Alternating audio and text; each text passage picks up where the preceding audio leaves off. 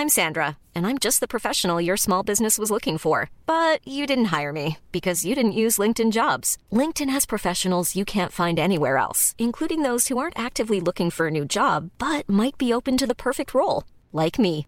In a given month, over 70% of LinkedIn users don't visit other leading job sites. So if you're not looking on LinkedIn, you'll miss out on great candidates like Sandra. Start hiring professionals like a professional. Post your free job on linkedin.com/people today. Mom deserves the best, and there's no better place to shop for Mother's Day than Whole Foods Market. They're your destination for unbeatable savings, from premium gifts to show-stopping flowers and irresistible desserts. Start by saving 33% with Prime on all body care and candles. Then get a 15-stem bunch of tulips for just $9.99 each with Prime. Round out Mom's menu with festive rosé, irresistible berry chantilly cake, and more special treats. Come celebrate Mother's Day at Whole Foods Market.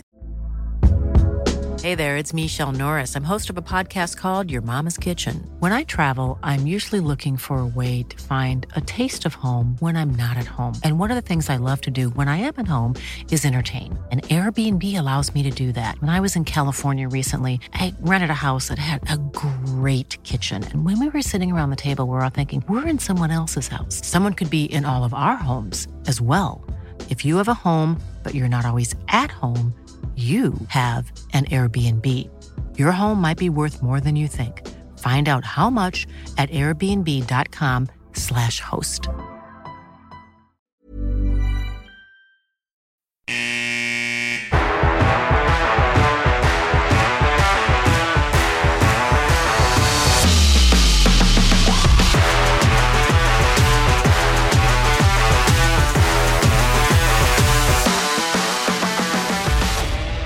Vita, gula, blå hälsar alla lyssnare ett gott nytt år och ett varmt välkommen tillbaka till, ja, jag tror det är tionde avsnittet nu om jag inte minns fel. Ehm, som sagt, stort gott nytt år. Jag sitter här med Jonas Ragnarsson. Det är måndag, men vi är ändå pigga då Jonas. Hur mår du? Jo vass, jag tycker väl okej det är alltid kul att sitta här och snacka hockey med dig såklart. Men det är så här faktiskt att vi får med rätta vara lite extra deppiga då. För idag är det nämligen något som kallas Blue Monday. Och det är någon forskare som kommit fram till att det här är årets deppigaste dag. Så tredje måndagen i januari är den deppigaste på året. För att då har man redan brutit alla nyårslöften. Om inte Plånkanisset hum så är den i alla fall nästan tom efter alla, alla trevligheter under jul och nyår. Och det är bara oxveckor framåt fulla veckor och ingen semester och allt trevligt är glömt. Men då tänker jag så här Blue Monday, då vet inte den här forskaren riktigt hur det är att vara HV-supporter. För vi har nog Blue Monday från september till säsongen är slut tror jag. Men med det sagt, det är nytt år nya möjligheter. Så att eh, vi kör väl på bara. Ja men eh, på tal om nyårslöften och så vidare, har du, har du satt upp några för dig själv då? Nej, nej, nej, det var länge sedan. Kanske äta mindre eh, mängd småkakor och sådär. Men, eh, och så träna lite mer, men det vet jag hur det blir där. Så att jag, jag är för gammal för sånt nu. Du då? Nej, faktiskt inte. Jag, jag tror inte jag någonsin haft ett, ett enda nyårslöfte. Jag vet inte om det är att, att jag är lat till att ens sätta upp några eller om det är att jag tappar hoppet om att faktiskt kunna fullfölja något av dem.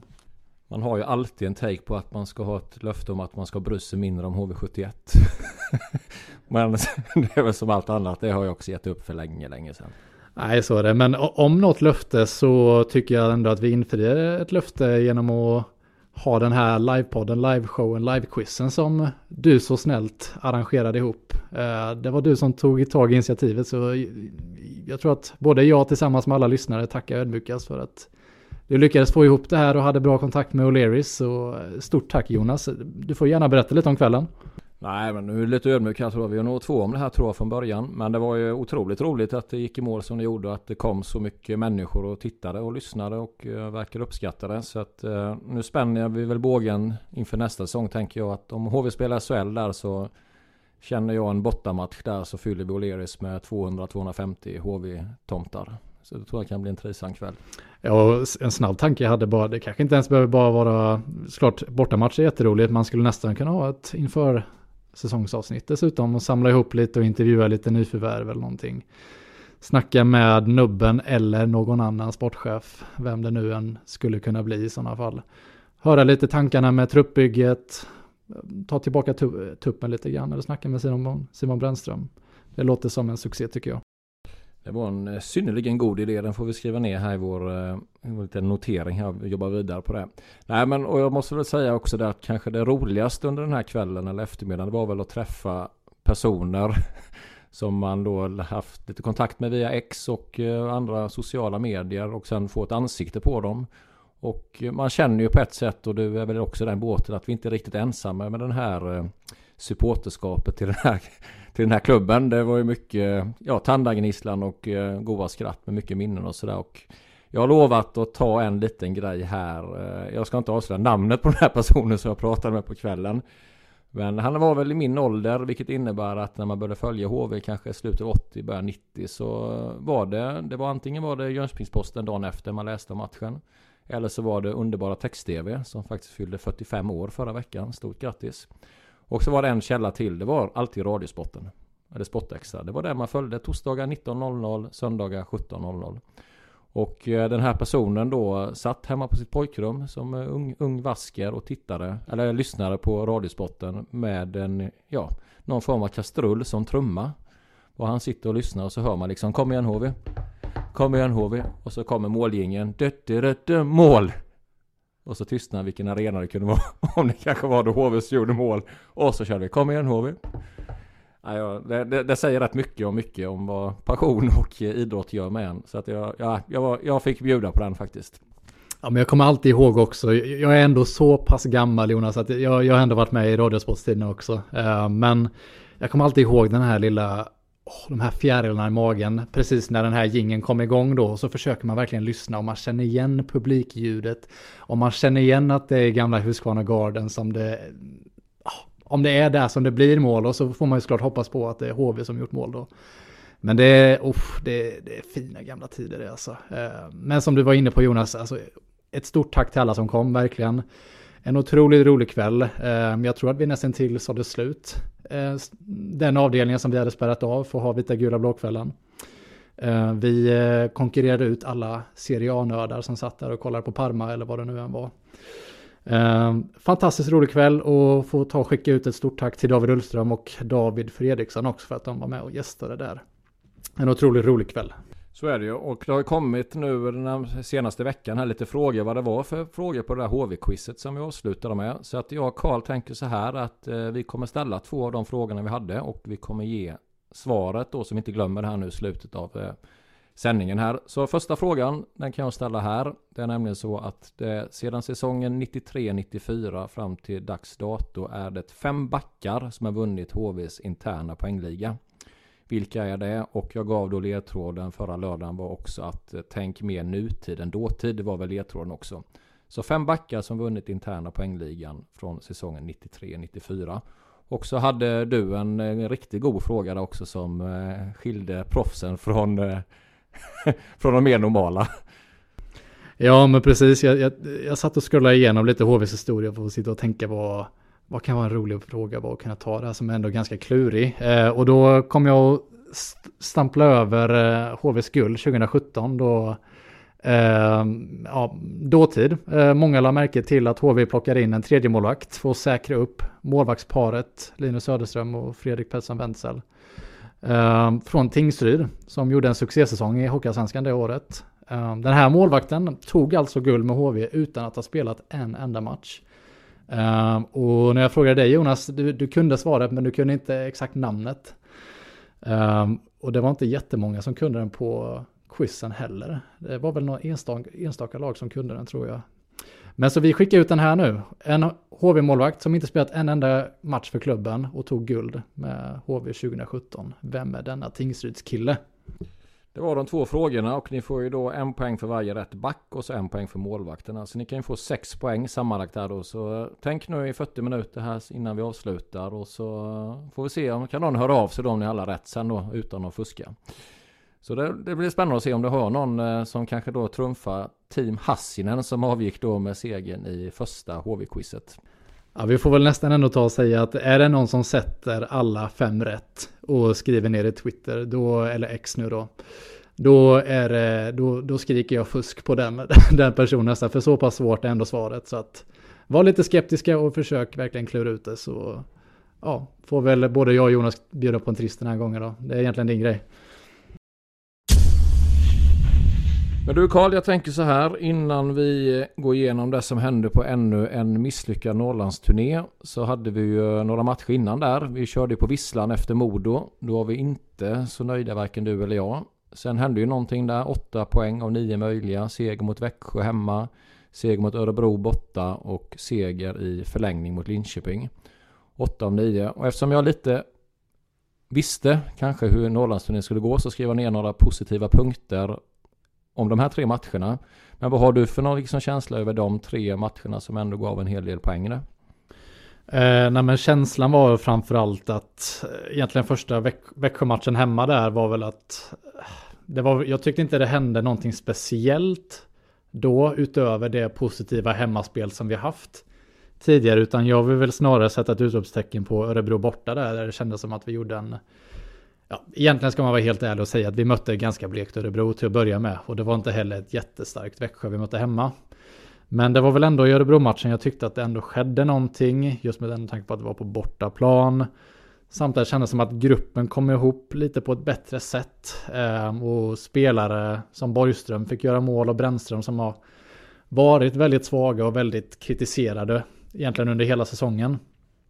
Samt att Kaski kunde göra mål då. Ehm, så det var väl där egentligen som jag tyckte någonting hände mer. Eh, och Linköpingsmatchen är väl en match att diskutera i sig dessutom. Där vi ändå gör en bra match tycker jag i 40 minuter. Och helt och hållet ställer ut skridskorna på isen sista 20. Så eh, jag vill sätta ett utropstecken på Örebro framförallt.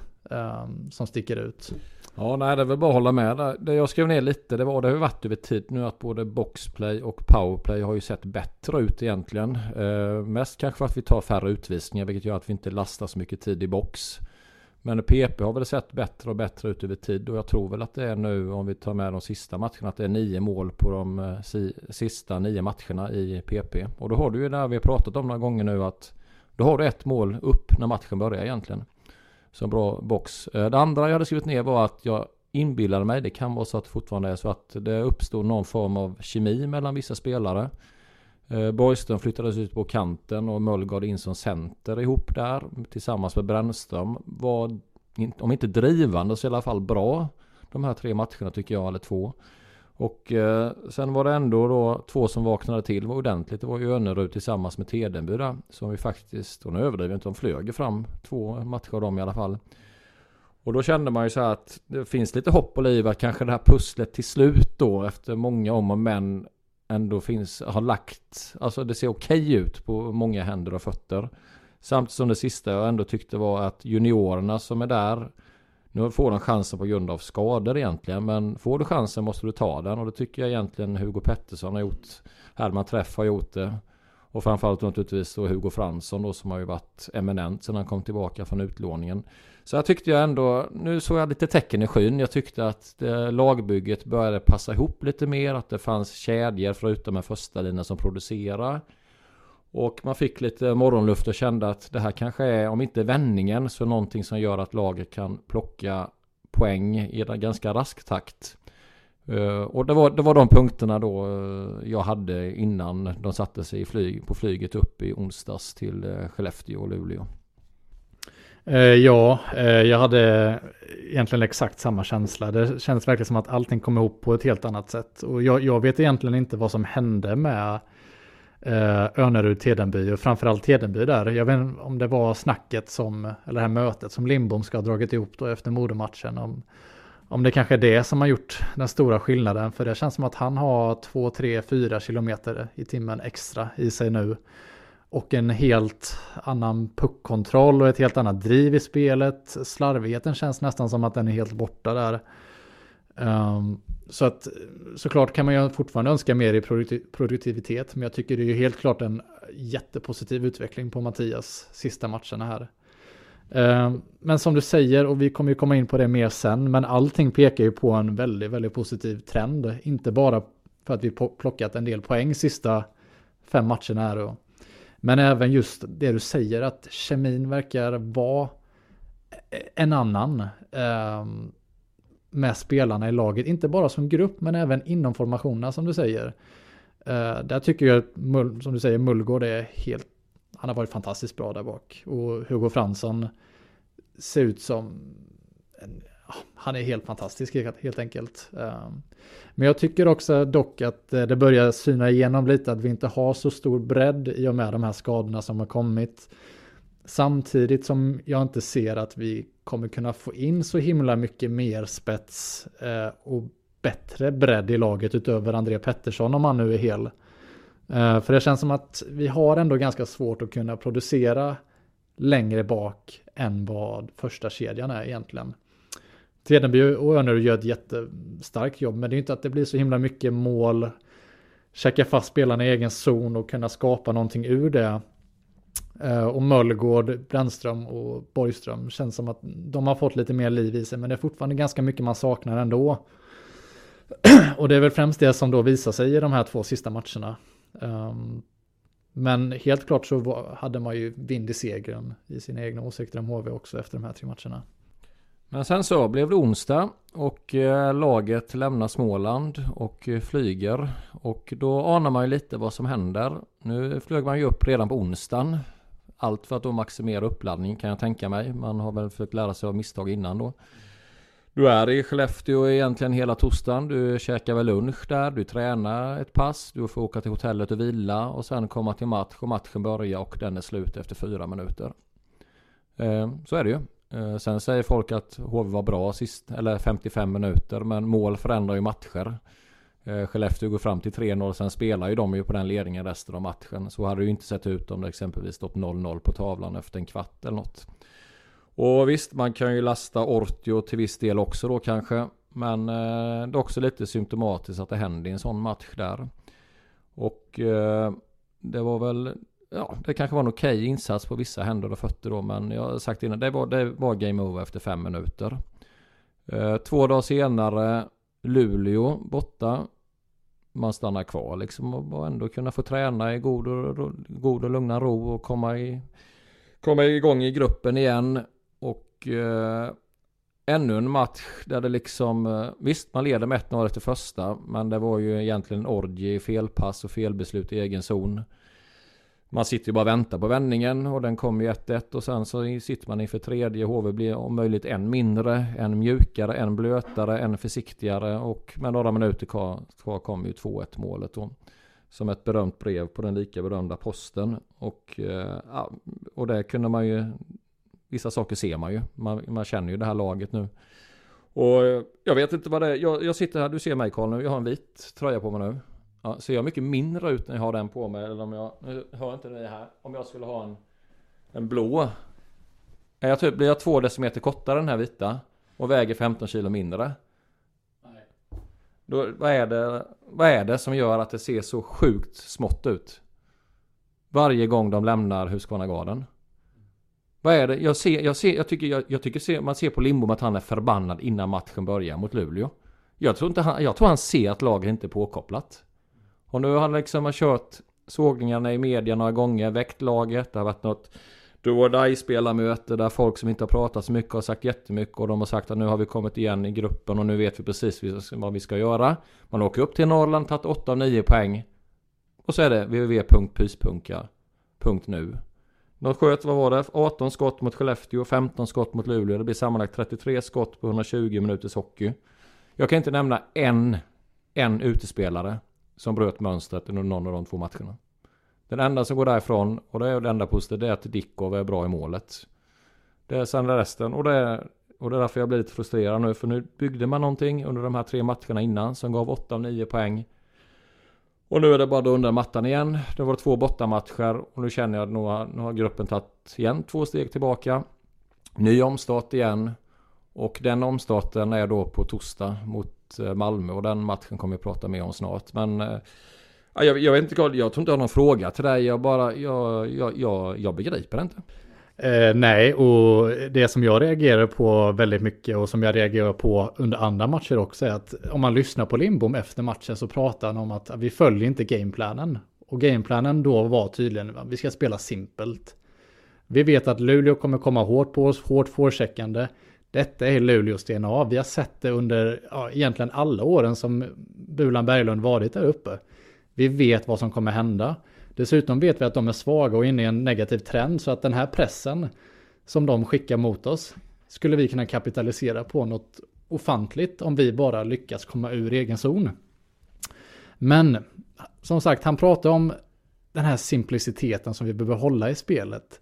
Men Jonas, jag tycker varje match sedan flera år tillbaka är HV ett lag som spelar med en sån otrolig okolhet. Man kan inte ta emot en passning och snabbt lägga, skicka den vidare till en spelare och sätta den i en bättre position. Varje pass som en spelare får ska den ta emot. Inte, jag säger inte att den dribblar två, tre gånger, men den ska kladda två, tre gånger på pucken innan man tittar upp och ser vart medspelare finns. Och de här medspelarna då är antingen alldeles för nära och checkande spelare hinner komma ifatt dem där. Eller så är vår medspelare på andra sidan offensiv blå och är helt och hållet omottaglig för en passning. Min poäng i det hela här är att vi, vi, vi spelar inte simpelt någon gång i den här matchen tror jag. Vi kladdar med pucken två, tre gånger. Vi tänker långsamt. Vi, skick, vi chippar inte ut pucken tillräckligt mycket utan vi försöker spela oss ur nästan varje gång. Och jag tycker någonstans där förlorar vi matchen bara genom att vi bryter vår, vårt egna sätt att spela. Det är väl självklart att man inte kan gå in och sätta 110% prestation från minut ett. För att man måste ju på något sätt kunna bygga upp det här. Och hur gör man det om man har ett hårdpressande 110 kilos Luleå, Tyrväinen som kommer emot en? Spela simpelt, ta en, chippa ut pucken, dra någon icing visst. Skaffa lite andrum och lita på er själva och bygga upp spelet. Men jag tycker, om jag ska vara helt ärlig, jag, jag, vad jag ser så skiter laget fullständigt i det egentligen. Genom 60 minuter. Och jag skulle egentligen bara vilja vara en fluga på väggen och se vad Lindbom säger under de här periodpauserna för att jag, jag, tycker det är remarkabelt hur lite det här laget tar till sig. Från vad jag gissar att Lindbom säger till laget i pauserna. Ja, och, det är, och de kan ju ta till sig, men då är det ofta en eller två matcher. Och då framförallt på hemmaplan, då kan man se nu är det påslaget. Nu är de där och gör jobbet och hjälper varandra och, och spelar som man kommit överens om. Och jag menar, och det är som du säger, jag, nu är det liksom, nu har jag igen varje poddavsnitt. Jag kommer berätta om hur många matcher man har spelat borta, hur många poäng man har tagit. Nu är det 18 bortamatcher. 7 poäng minus 39 i målskillnad. Så vi håller, vi, vi trendar mot världsrekord i, eh, i svaga borta, bortamatcher. Och det, det, så här är det. Vi kommer gå igenom lite sen poäng och sådär inför vad som kommer krävas. Men fakta är så här att HV måste börja ta tre poängare på bortaplan.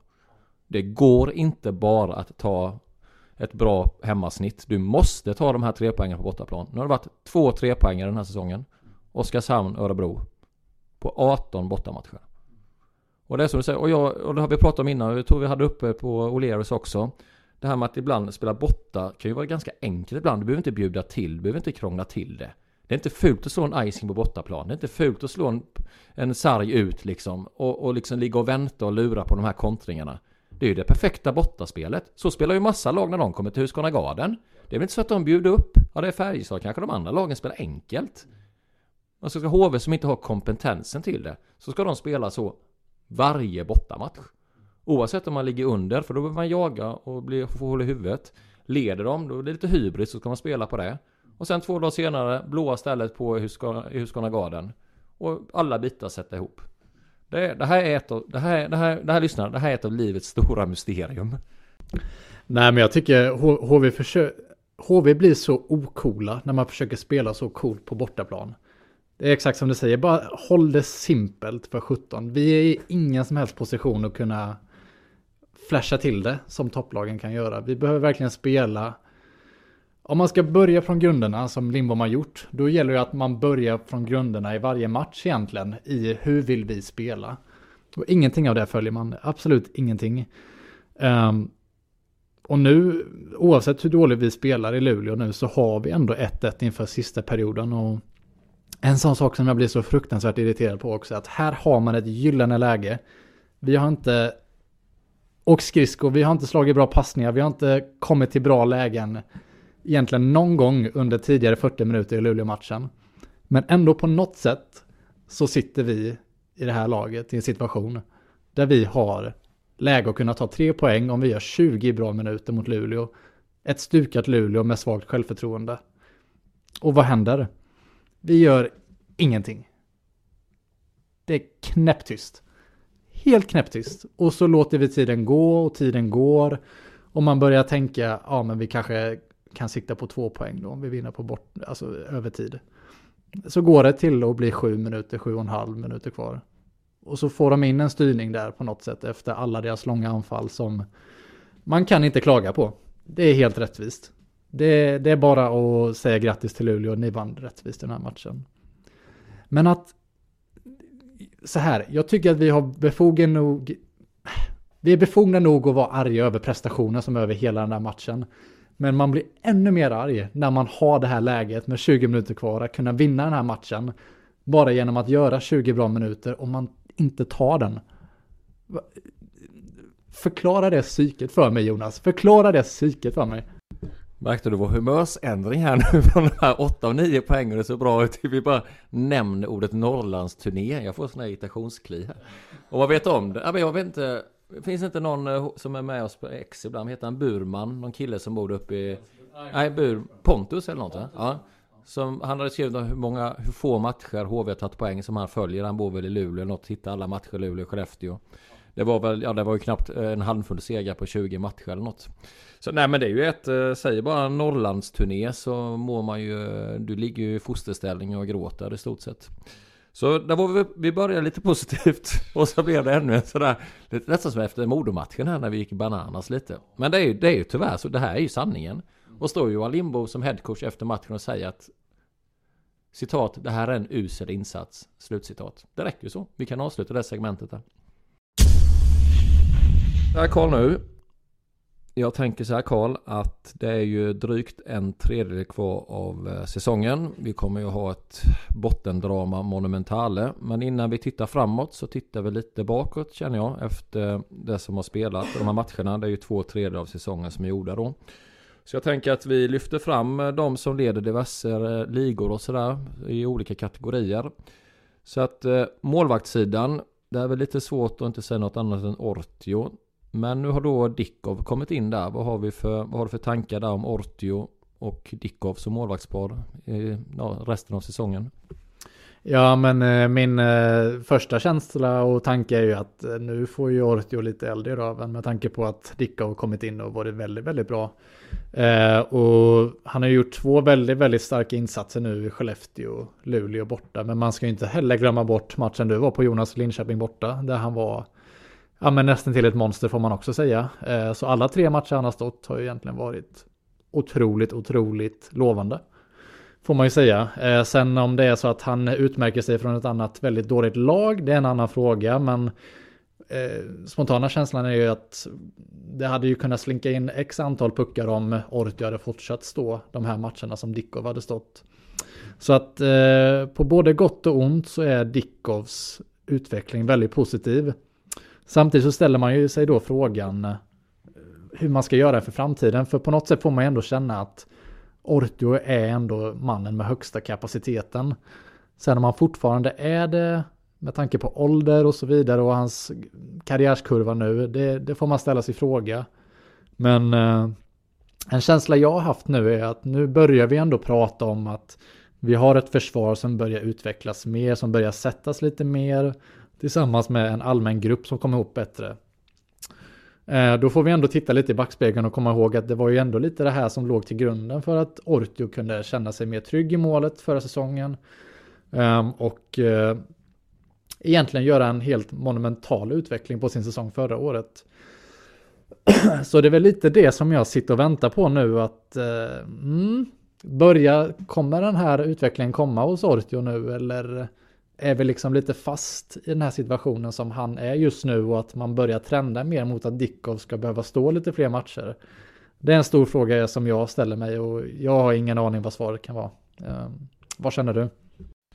Ja men det är ett intressant läge men samtidigt kan det inte det måste kunna vara bra att ha två målvakter som är krigare och kämpar och pushar varandra. De här återstoden av säsongen. Eh, jag tror att det kan bli ett win-win bara att de hittar en balans mellan sig och tävla och stötta varandra i det här. För att det var ju vid den här tiden Ortio började stå på huvudet någon gång i januari, februari var ju fenomenal sen.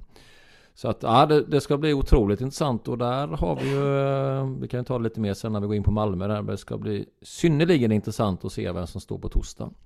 Men vi rullar vidare. Om vi nu skulle dela ut ett eh, Norris Trophy till eh, HVs backsida här. Vad har du för topp tre? Ge mig topp tre, de tre bästa HV-backarna hittills under säsongen.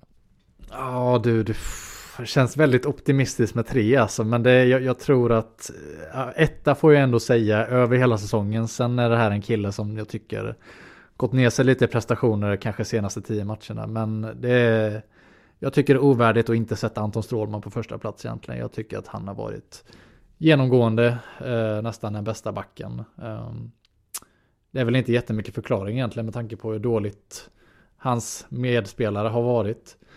Eh, egentligen. Eh, på andra plats får jag sätta, tycker jag, Bobby Nordell ändå. Eh, och jag sätter dem där utifrån förhoppningarna och förväntningarna som eh, jag har haft på honom samt vad jag tror HV har haft på honom. Eh, det skulle ändå vara en offensiv spelare som kan hålla uppe sin defensive end också. Och det tycker jag ändå att han har gjort till eh, viss mån i alla fall. Jag tycker fortfarande det finns en hel del att hämta ur Bobby.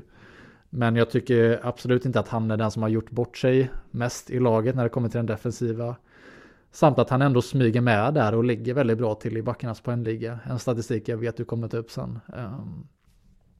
Sen tredje backen är väldigt, väldigt svår att dela ut. Jag tycker inte egentligen någon förtjänar egentligen att ta den platsen. Så jag tänker faktiskt inte säga någon spelare som har varit med hela säsongen utan jag sätter faktiskt Hugo Fransson där och lägger en del framtidstro på honom att han kommer fortsätta göra det bra nu resten av säsongen. Men jag är väldigt spänd att höra på vad du tycker Jonas. Skulle du vilja ändra på någon här som jag har sagt eller någon helt annan? Jag hade skrivit ner exakt samma tre namn faktiskt. Eh, sen hade jag delar etta Nadella Strålman och eh, där har ju Strålman varit i pole position i stort sett hela säsongen. Medan då Nadella mer eller mindre kommit smygande sista 10-15. Sen är det ju två helt skilda backtyper. Det är ju det är ju liksom motsatserna mot varandra egentligen när det gäller hur mycket puck man har och vad man gör med pucken och offensiva uppsidor och sådär. Men eh, någonstans så Nadella då som vi sa, han har 20 poäng nu som back. Är med topp 5 backarnas poängliga. Och eh, tycker jag ser tryggare ut med puck också. Sen kan han se lite liten ut ibland i, i egen zon när han får press på sig kanske och torska lite fysiska kamper och sådär. Men eh, där, jag har dem delad etta. Och sen som du sa att konkurrensen är ju inte mördande. Om vi uttrycker oss snällt. Men jag skriver ner Hugo Fransson och det är för det han eh, efter han kom tillbaka nu andra utlåningen från Nybro. Där han varit riktigt, riktigt bra. Eh, vi rullar vidare till bäste forward eller slash center. Och där vill jag bara att du säger ett namn. Uh, ja, uh, om jag bara ska säga ett namn så tycker jag att det är väldigt självklart att uh, då säger jag Oskar Ståhl Lyrenäs. en man som jag tyckte såg väldigt bra ut i början av säsongen, fast kanske inte fick med sig poängen riktigt som man ville. Men det var ändå en spelare som kunde ligga bakom väldigt mycket. En spelare som kunde plocka upp pucken i egen zon och på helt egen hand, precis som idag, transportera den över flera zoner och kunna etablera ett anfallsspel i offensiv zon. Eh, en otroligt imponerande skridskoåkning som också nu har resulterat i fler poäng. Så OSL trycker jag in på första platsen. Och där slänger jag in eh, Nick Shore också då. Eh, efter han har kommit eh, i stort sett uppe på en poäng per match. Eh, fick igång första linan. Men jag ser lite de som ett tandempar. För de har gjort varandra väldigt, väldigt bra. Eh, Stål Yrenes. Jag vet, vi satt ju i höstas. Var han hade 5 plus 0 eller något. Och vi sa det är helt omöjligt att han inte kan ha mer poäng. Han kan ha noll assist. Sen efter det så har det ju vänt där. Så att jag, jag hävdar nog att det där kan vara det där, den där duon. Som eh, leder HV till den där tolfte platsen eller undvikande av kval. Så kan jag säga. Och Shore är ju, det är ju, det har vi sagt innan, det är ingen ny spaning. Men det är, det är klassiskt så många aktioner på banan. Det är lite som man kan frysa bilden själv ibland och liksom se vad motståndarna är. Och enkel tickning där, en enkel passning där. Och öppna upp motståndarna. Så det är fint där. Så det var de tre jag tänkte. Det finns ju ändå lite hopp. Det är några bra namn vi säger här ändå. Eh, poängmässigt om vi tittar Eh, kommer du ihåg när vi satt hos poddstudion och att jag hade en liten take på att när vi skulle vara lite positiva och sticka ut hakan så sa jag någonting. Tänk om HV någon gång skulle kunna ha två spelare topp 10 poängligan. Och då sa jag ju ett André Pettersson. Och sen sa jag två, ja men tänk Henrik Borgström kan kanske explodera. Eller kan Isak Brännström explodera? Eller kanske stå Lyrenäs då. Det var ju de tre jag sa där. Eh, poängtoppen HVs interna.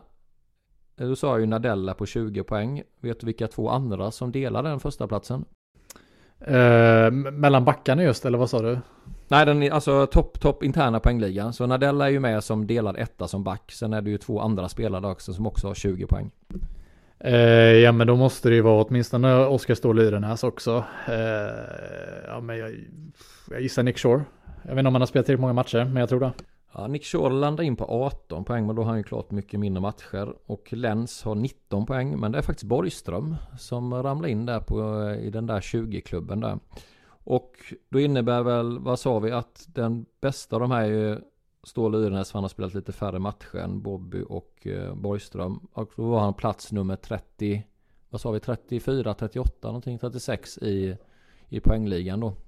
Så att där är jag långt ifrån att ha två topp 10. Sen är jag väl lite ursäktad med att eh, AP20 då är borta. Annars hade han ju naturligtvis med det.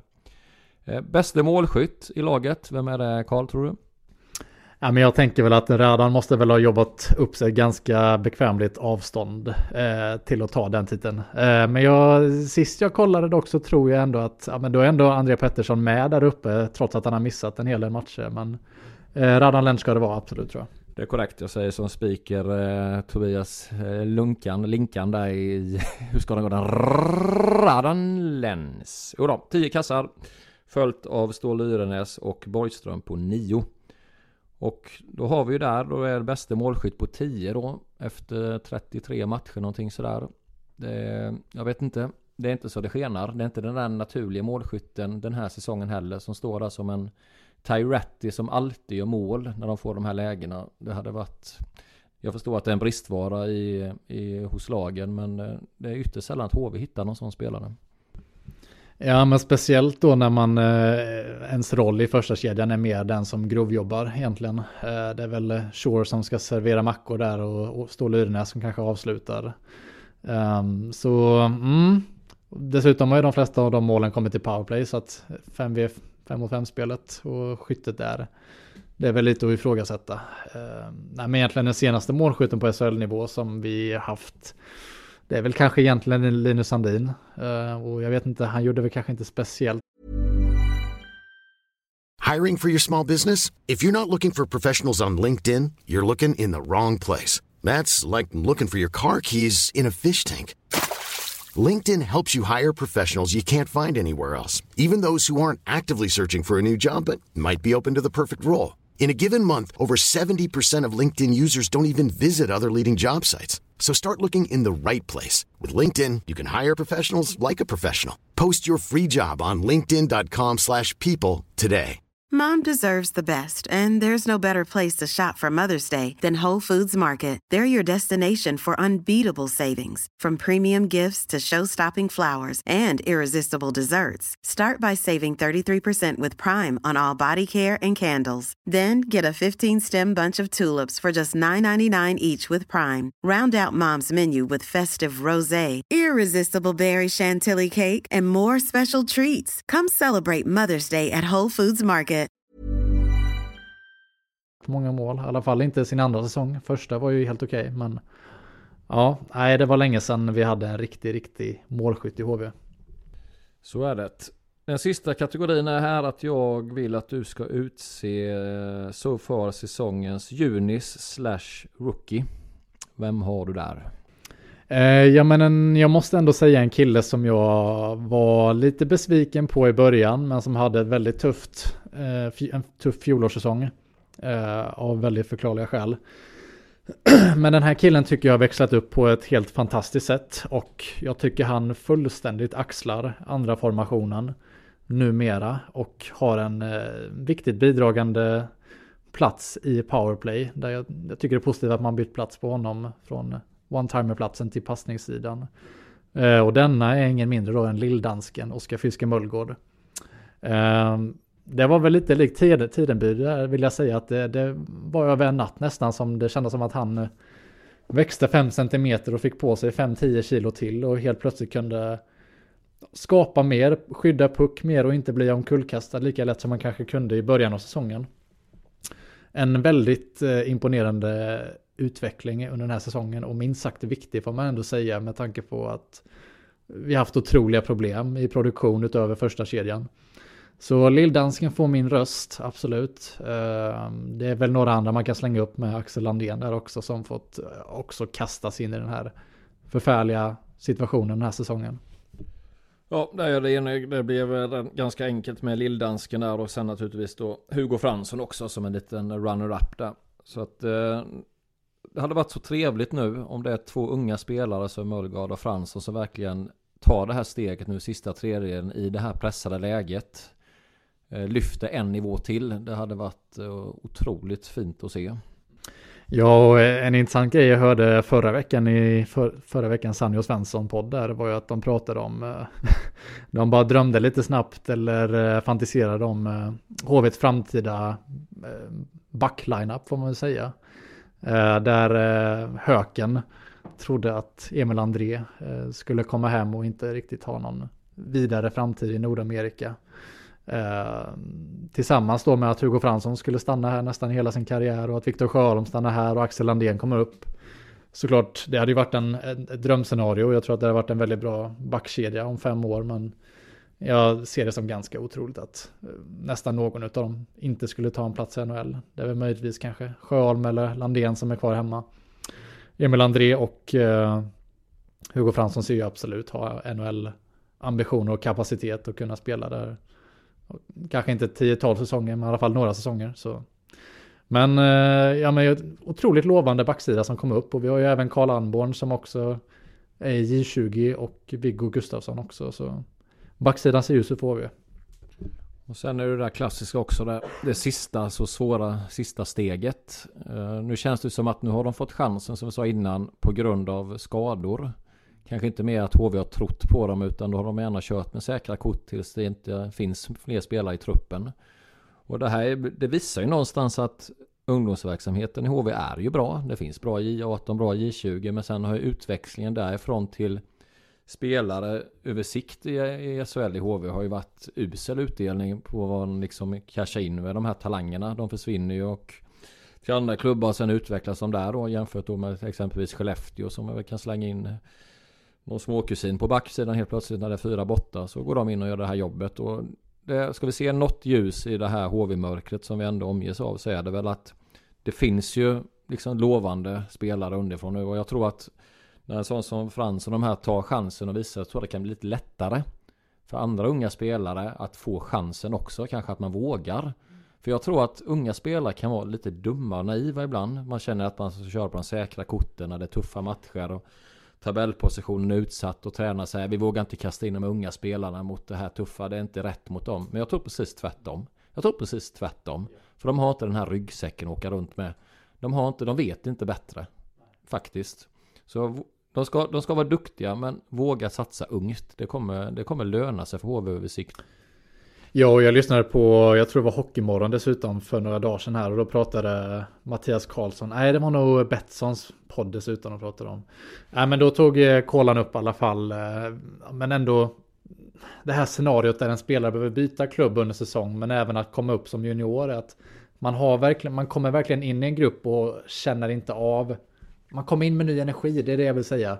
Eh, man liksom kommer inte in och får bli direkt nedsänkt av stämningen som är i gruppen utan det är på något sätt en ny möjlighet för spelaren som då får byta klubb eller lyftas upp från juniorlaget. Och om jag minns rätt, jag kan ha fel här, men jag, jag, minns, jag minns inte någon junior vi lyfte upp året vi åkte ut.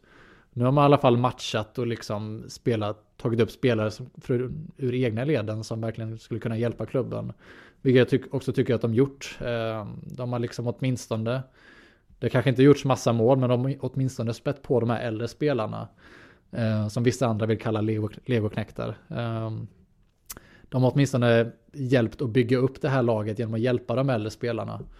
Så att eh, de har en otroligt bidragande roll i att eh, både kunna hjälpa HV nu men också kunna hjälpa HV i framtiden om de skulle komma tillbaka från utlandsäventyr och så vidare. Ja men då så Karl, då så tänkte jag att vi ska gå in på den sista tredjedelen. Och eh, nu ska vi leka lite professorkalkyl, att ta fram sin kalkylator. För att om vi räknar med att det kommer krävas 68-69 poäng för att undvika kval. HV har nu 37 poäng. Det återstår 19 matcher. 11 hemma, 8 borta. Så håller vi det snittet vi har hemma nu så har vi, snittar vi på exakt 2 poäng per match. 2 gånger 11 är 22. Då är vi uppe i 59 och då måste vi in med 10 poäng till då, eller kanske 9. Och det ska vi då ta på 8 bortamatcher. Och då får jag, nu fick jag sådär magknip igen då. För att hålla två poäng per match hemma. Det är ju jättebra snitt. Då kommer man ju femma, sexa någonting i hemmatabellen. Så det måste vi göra. Samtidigt då som vi måste då ta ganska mycket poäng hemma för att klara det här. Om vi säger räkna på 10 poäng på 8 bortamatcher. Och det har vi inte gjort på de matcher vi har spelat borta hittills som vi nyss nämnt då. Och förra året vid den här tiden då var ju läget ännu värre. Nu kommer tränarbytet var väl runt den 25 januari tror jag förra året. Eh, då var det ju två spelare som tog laget på sina axlar egentligen. Det var Orti och Kassen och så framförallt då André Pettersson som var, ja det har vi ju sagt innan den här podden, han var ju helt fenomenal egentligen sista tredjedelen och eh, drog ju hela laget till eh, nytt kontrakt. Att spelare kliver fram på det sättet den här säsongen, det har jag otroligt svårt att se. Utan det är nog andra saker som måste nu eh, falla på plats den här sista tredjedelen. Om du bara får bolla en eller två Eh, vad du tror, alltså om det är någon spelare eller något som ska hända för att det här ska lyckas. Vad, vad, vad tänker du då?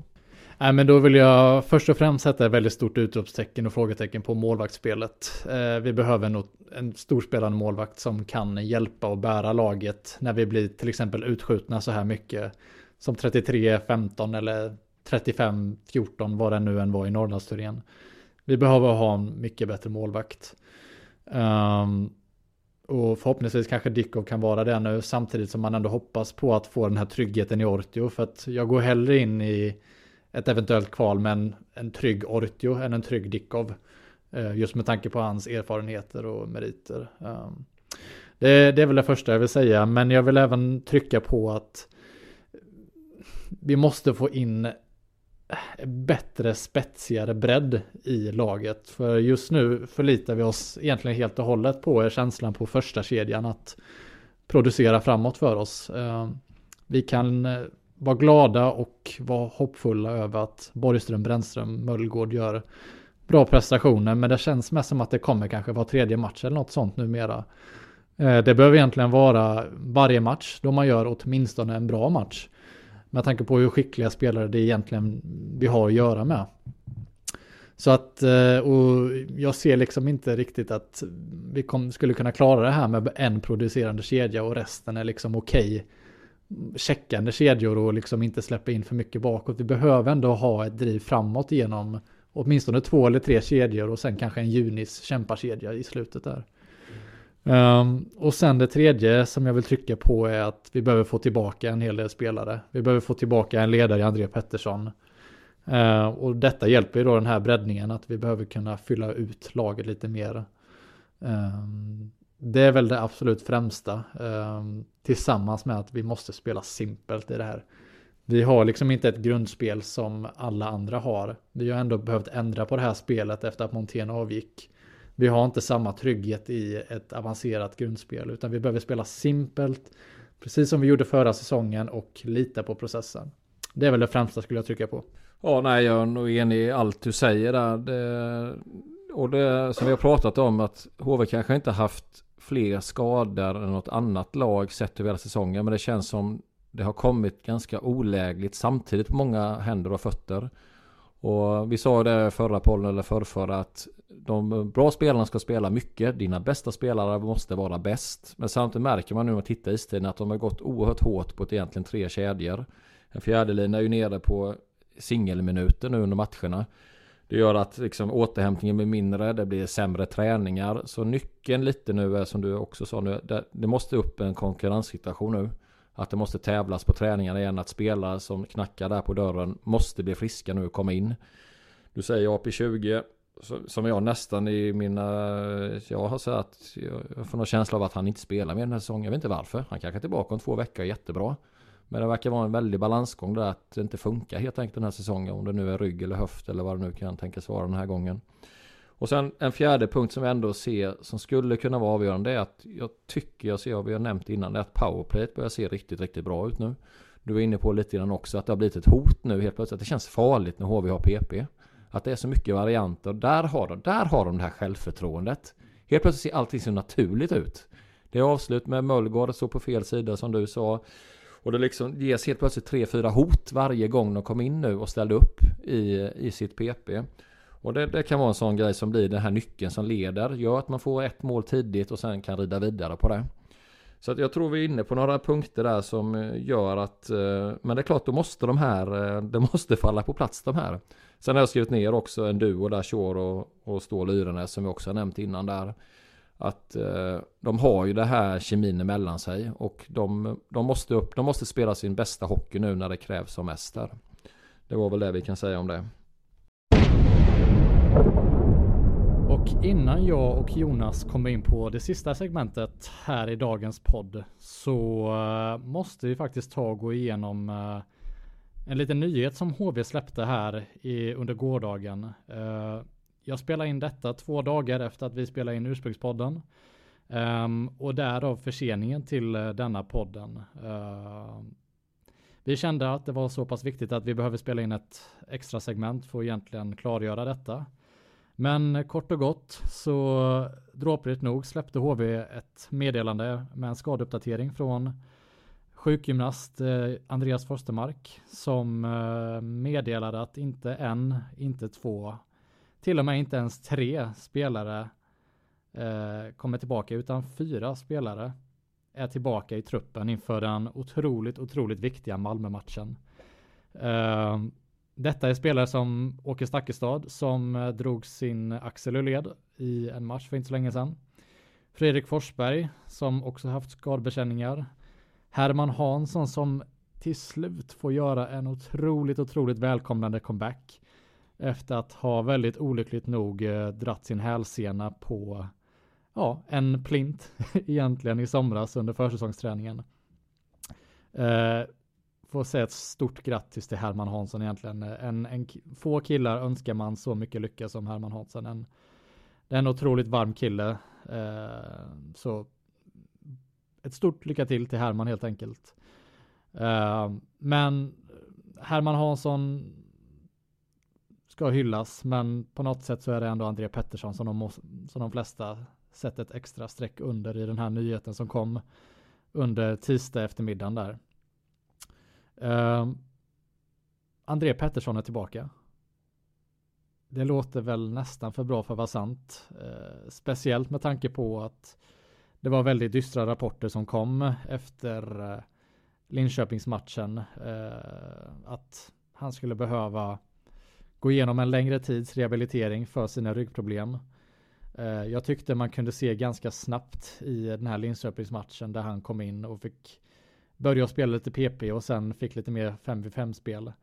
Att eh, det var någonting som var ganska hämmande för honom. Eh, hans toppfart var liksom absolut inte ens där. Han såg ut att vara ganska hämmad med pucken. Jag ska inte sitta här och leka doktor men vad mitt doktorsöga kunde säga så såg liksom inte allting helt rätt ut och jag tror att de flesta skulle hålla med mig där. Um, och den otroligt uh, läskiga tanken som har liksom skimrat över HV-land senaste veckorna är att man kanske till och med får befogenhet att uh, ifrågasätta om hela Andreas säsong egentligen är förstörd. Om det faktiskt finns någon möjlighet till att han skulle kom, skulle kunna komma tillbaka. Men som sagt, jag pratade om en blixt i början och det var minst sagt en blixt som slog ner ur klar himmel under tisdags förmiddagen eh, när då Andreas Frostemark skickade ut att André Pettersson är tillbaka i träning och ska tydligen vara spelklar då till den otroligt viktiga matchen mot Malmö. Eh, det går inte att säga annat än att det är otroligt, otroligt välkomnande. Eh, tidigare under poddavsnittet som vi spelade in under måndagskvällen så pratade jag om att jag saknade eh, spets, en bredare spets i mer än bara första kedjan. Eh, det går inte att enbart förlita sig på produktion från första kedjan utan det behöver liksom finnas hot i andra kedjan och även till viss del i tredje kedjan innan man börjar snacka om att folk ska checka hårt och vara checking lines. Eh, det har vi redan gott om folk till att göra. Så att André Pettersson är tillbaka är otroligt, otroligt viktigt och otroligt välkomnande. Eh, detta ställer ju dock en fråga, vilka spelare petar man egentligen? Vilka vill man röra på?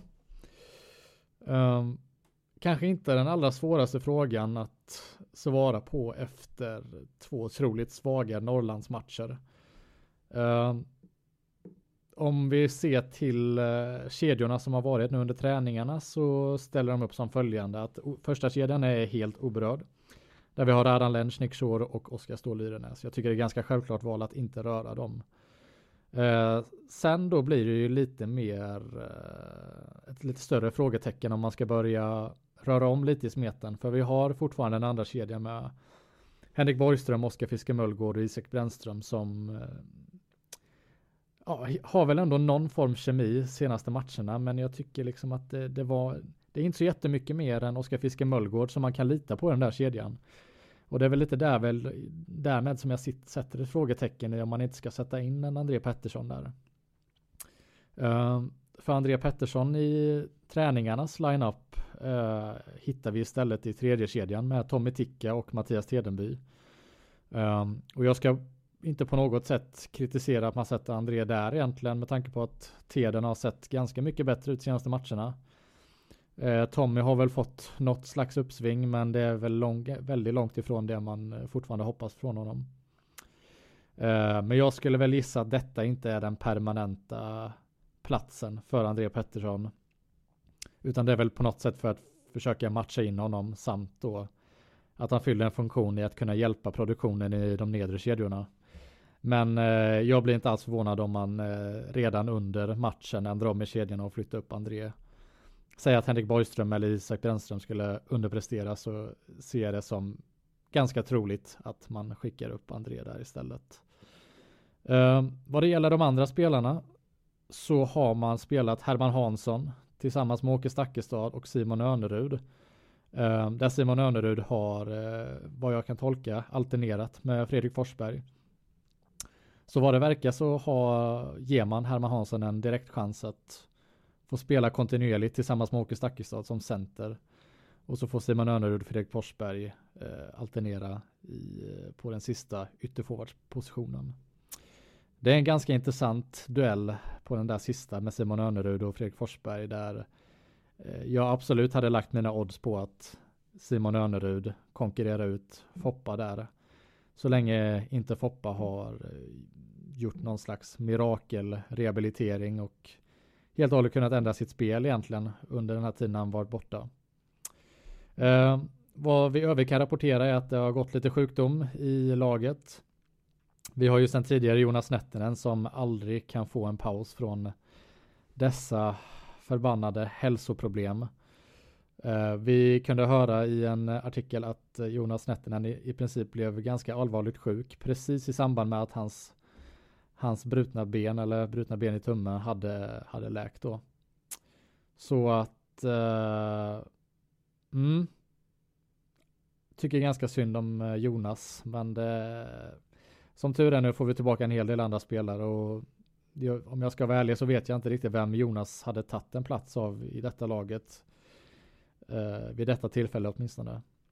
Sen har vi då Måns Lindbäck som också blivit sjuk men ska vara på, ska vara på bättringsvägen samt Anton Strålman. Eh, det sistnämnda som är otro, ett otroligt tungt namn att tappa. Har kanske inte varit den allra bästa spelaren som han var i tidigare säsongen, nu senaste matcherna, men är likväl ändå eh, lika viktig tycker jag. Eh, fått lite tyngre besked från Mikael Seppele som ser ut att vara borta flera veckor till. Eh, om jag ska vara ärlig så tycker jag att den här backformationen ser ganska svag ut nu.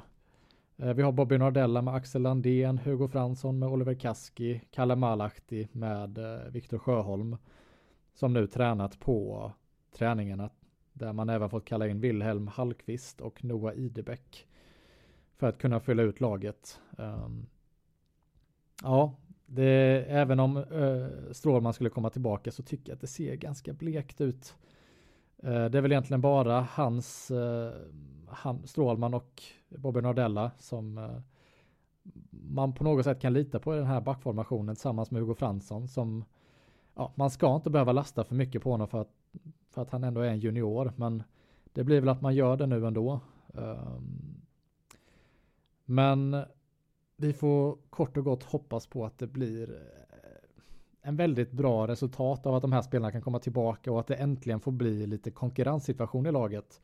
Det är en sak som jag tror har saknats eh, nu under de senaste matcherna. Det finns liksom ingen press på att prestera. Det finns ingen press på att du kan förlora din plats om du inte ger 110% eh, i varje match. Så att det ska bli väldigt spänt och intressant att se hur det blir eh, nu mot Malmö på torsdag. Eh, om jag säger så här så kommer inte HV ha någon tid till att börja värma igång och börja känna lite taggningen för matchen utan det ska vara direkt ska det vara 100% fokus. Som vi gått igenom tidigare, spela simpelt, följ gameplan. Det är nu eller aldrig som det gäller. Um, som sagt så spelar jag in detta två dagar senare och vi ska återgå till Jonas segment där han har mejlat nubben och ställt lite frågor om uh, vad som gäller lite scouting och lite annat. Så jag skickar direkt över till Jonas Ragnarsson.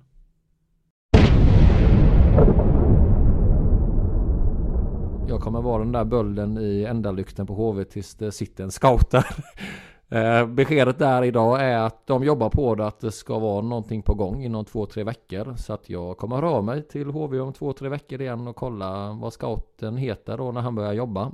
Och så kommer jag jaga till det. Och när det är färdigt så kommer jag gå in på nästa tema. Det är ju när analytiken är på platsen också. Men det får vi ta sen under våren. Jag måste vila någon vecka emellan. Så de två sakerna ska lösas innan vi stänger den här säsongen. Det lovar jag. Ja, inte jag kommer inte lösa det men vi kommer vara på dem tills det är löst. Punkt och slut. Det andra vi kollade, eller det tredje var ju lite snabbt också med att eh, den allmänna marknaden säger de är ganska död. Kranen från KL är ju av naturliga stängd skäl, eller naturliga stängd skäl, av, skäl, av naturliga skäl stängd. Eh, vi har i Schweiz, där märker man må bra, gott och tjäna lite för bra för att bryta upp, även fast man kanske sitter på läktaren. Och så är det då finska ligan som väl också känns lite utarmad nu, att eh, mycket kanske breddspelare som också kanske inte kan bidra så mycket. Så det verkar vara en tuff, jag vet inte vad är det, det är någon, det är Brodecki som åker runt till olika klubbar och så har någon eh, Modospelare lämnat för Frölunda. Det är väl egentligen det som händer. Så att det, det händer inte mycket där. Ja, en intressant tanke som jag hade här eh, nu i dagarna var faktiskt att om man tänker lite kring framtiden just kring det här uppbyggandet av deadline day och värvandet under säsong. Alltså jag får en känsla av att det här kommer försvinna allt mer och mer och mer egentligen. Eh, för det första har det försvunnit till viss del i och med KL och Rysslands krig i Ukraina såklart. Där är ju såklart, det ska ju liksom inte ske. Man ska inte ta in någon där. Eh, man ska inte göra en Forsell, eh, Kenny Agostino situation i HV eller någon annan klubb för den delen. Så i framtiden, ingen mer KL egentligen så länge det här kriget fortsätter och sanktionerna kommer ju säkert fortsätta efter det tror jag. Det blir en väldigt infekterad situation hur man ska ta sig an den om Ryssland skulle sluta kriga. En annan situation är ju att vi kommer ju antagligen inte kunna ta in någonting från Schweiz heller. Eh, de, känslan är ju att de går ner till färre importplatser för att kunna främja sin egna utbildning. Det var ju hela anledningen till att man har en gräns i antalet importspelare i Schweiz, att man ska främja den egna hockeyn. Och, ja, det vill bara säga att man, man, man, lyckas med det till viss del. Det är en, en del schweizare i NHL som, som kommer in och gör det bra och juniorlaget Schweiz gör det också bra nu senaste åren. Um, så det är väl egentligen om det kommer in någon där och misslyckas, men det ska till ganska mycket för att de ger upp en importplats där. Eh, sen då även finska ligan som under, eh, ja, sen nästan för alltid, jag vet inte om det har, jag tror det här systemet alltid varit så här, men de har ju alltid haft en stängd liga så att de sämsta lagen kan ju alltid skicka sina bästa spelare och känna sig en liten kosing till, svensk, till svenska SHL-lag. Men eh, detta är däremot sista säsongen som det är en stängd liga i Finland så att om det är några som vill passa på att shoppa duktiga spelare i bottenlag som Saipa, då är det bara att ta chansen att göra det nu för att kommande säsonger och eh, in the future for the foreseeable future så kommer inte det bli av mer för att man vill inte riskera att åka ur. Eh, med detta lämnat eh, tillsammans med en hög dollarkurs i AHL som gör det omöjligt att plocka in AHL-spelare så finns det inte så jättemånga val kvar att kunna ta in spelare under säsong och kunna rädda en dålig säsong som bottenlag. Så att jag tycker det är en eh, intressant framtid framöver. Lite tråkigt, men eh, ja, det återstår att se hur man kommer kunna plocka in spelare under säsong framöver. Men då landar vi egentligen på en sak som jag alltid tycker är intressant i NHL och så det är ju lite mer trader rakt av. Som är en liten big no-no i SHL har varit i flera år. Jag kan tycka det är otroligt uppfriskande. Sen eh, när det är liksom spelare som går mellan klubbar som eh, gör fiasko i något och så får de ny omgivning och lyfter. Så att eh, efter din utläggning där så är ju det det naturliga steget egentligen att man tradar spelare mellan klubbar. Och, eh, och varför inte? Jag menar det här med klubbkänsla så här, det är ju inte Det är ju en svunnen tid på något sätt också. Eh, så att det kanske blir mer sportchefsjobb här nu med att ha goda kontakter med sina kollegor och byta spelare fram och tillbaka. Tänk här någon trade här om vi hade haft någon Nu är det off topic här nu i februari och släppa någon spelare mot en annan spelartyp som vi skulle vara i behov av. Det kräver ju nästan ännu mer på sportcheferiet då. Att verkligen kunna läsa av marknaden och vad är det för spelare vi behöver och vilken spelare vi överflöd har. Det är en lite intressant eh, tanke. Ja, vad som skulle göra det väldigt intressant i skillnad mot NHL är att i NHL så kan du ju mm, man blir aldrig besviken kanske över en trade så länge inte det är en jättedålig trade. Men det som kan ta bort det roliga från nuet är att du kan trada en väldigt bra spelare och få draft picks och så vidare som kan vara egentligen flera år i framtiden. Jag har sett att det varit tre, fyra, kanske till och med fem år i framtiden som man får draftpicks för spelare. Om du skulle ha det här i SHL där vi inte har något draftsystem är att om du tradar en spelare så är du garanterad till att få ja, i alla fall din sportchef värderas som en åtminstone lika bra spelare i retur. Så att eh, det kommer ju aldrig finnas några tråkiga trader där man inte får tillbaka ett värde direkt.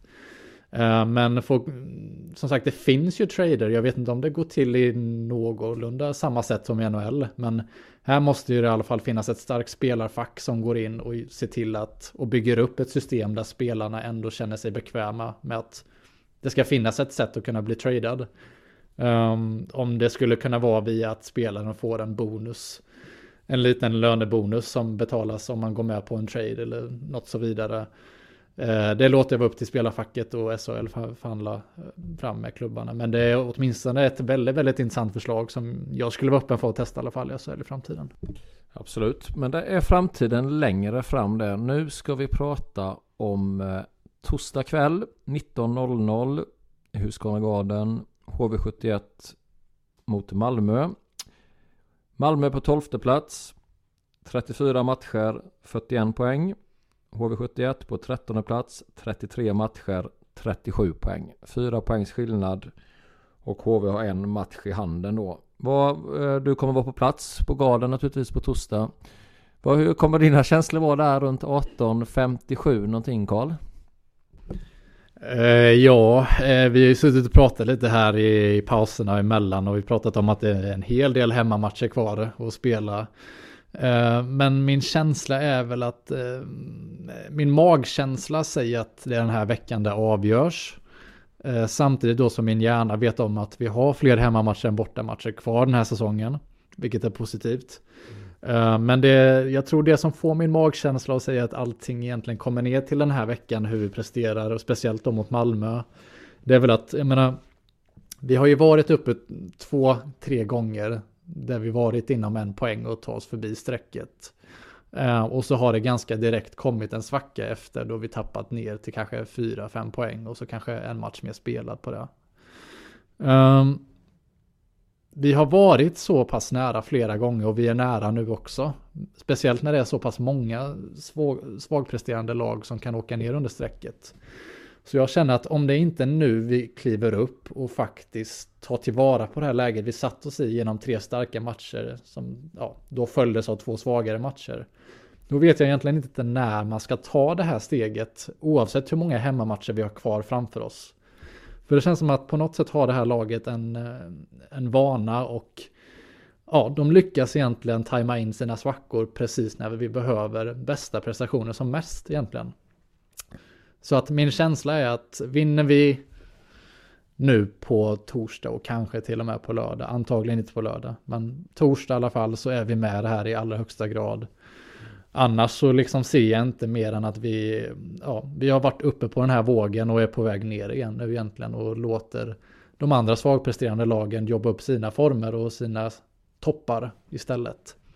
Så det är så jag känner, men i allt det här är ju nervositet, ångest och rädsla. Men någonstans ändå en passion och glädje för sporten. Sjukt nog.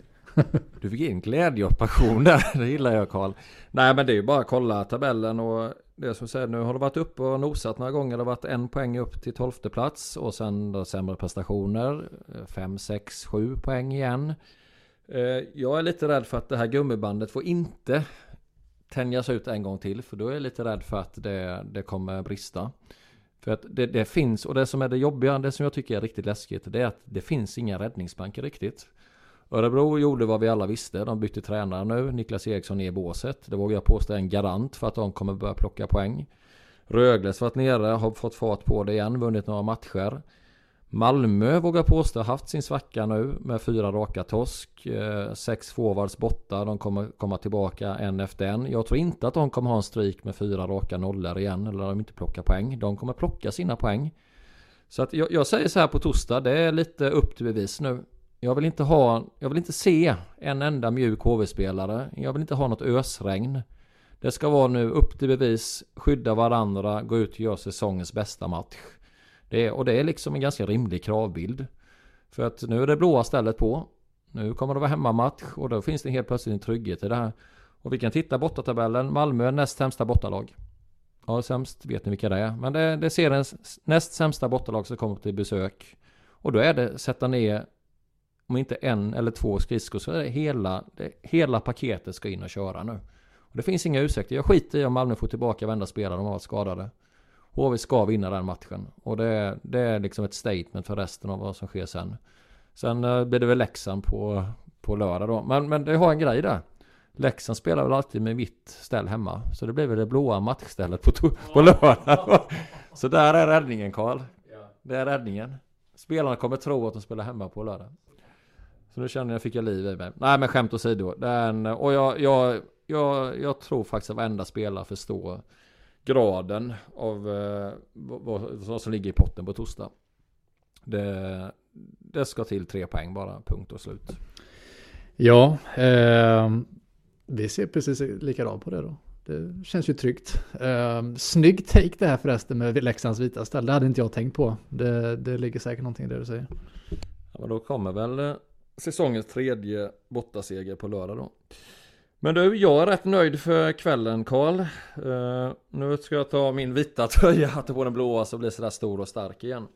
Så att uh, jag får tacka för att jag sitter här och pratar med dig idag och uh, tack till alla lyssnare där ute. Så att vi kör väl ett avsnitt inom två veckor igen. Vi försöker hålla lite högre tempo här nu i slutet. Det är ju så trevligt det här. Ja, så är det du. Men du, jag tror att innan vi avslutar så är det en grej vi saknar va? Det, innan, vi, innan vi låter dem få stänga av här. Då höll jag ju på att glömma den då. Jo, jag tar min fråga så får du ta din då. De eh, fem backar som har vunnit interna poängligan sen säsongen 93-94 är eh, Fredrik Stillman, Johan Åkerman, Pilot, Kinnvall och Erik Mattinsson. Så nu får du ge svaret på den där skumme målvakten som dök upp på eh, firandet. Ja, jag ska ge svaret. Jag sitter bara och njuter av svaret Martinsson där bara en liten stund till. Inte alls plåga mig själv. uh, nej, men min fråga var ju då uh, vilken HV-målvakt uh, har vunnit guld i klubben utan att ha spelat en enda match. Och detta var då guldet 2017 som vi syftar till. En kille som gjorde en succésäsong i Tingsryd som kom in precis innan transfer deadline för att säkra upp och bredda målvaktspositionen lite. Eh, svaret är inte Smaragd utan vi har en Niklas Rubin där.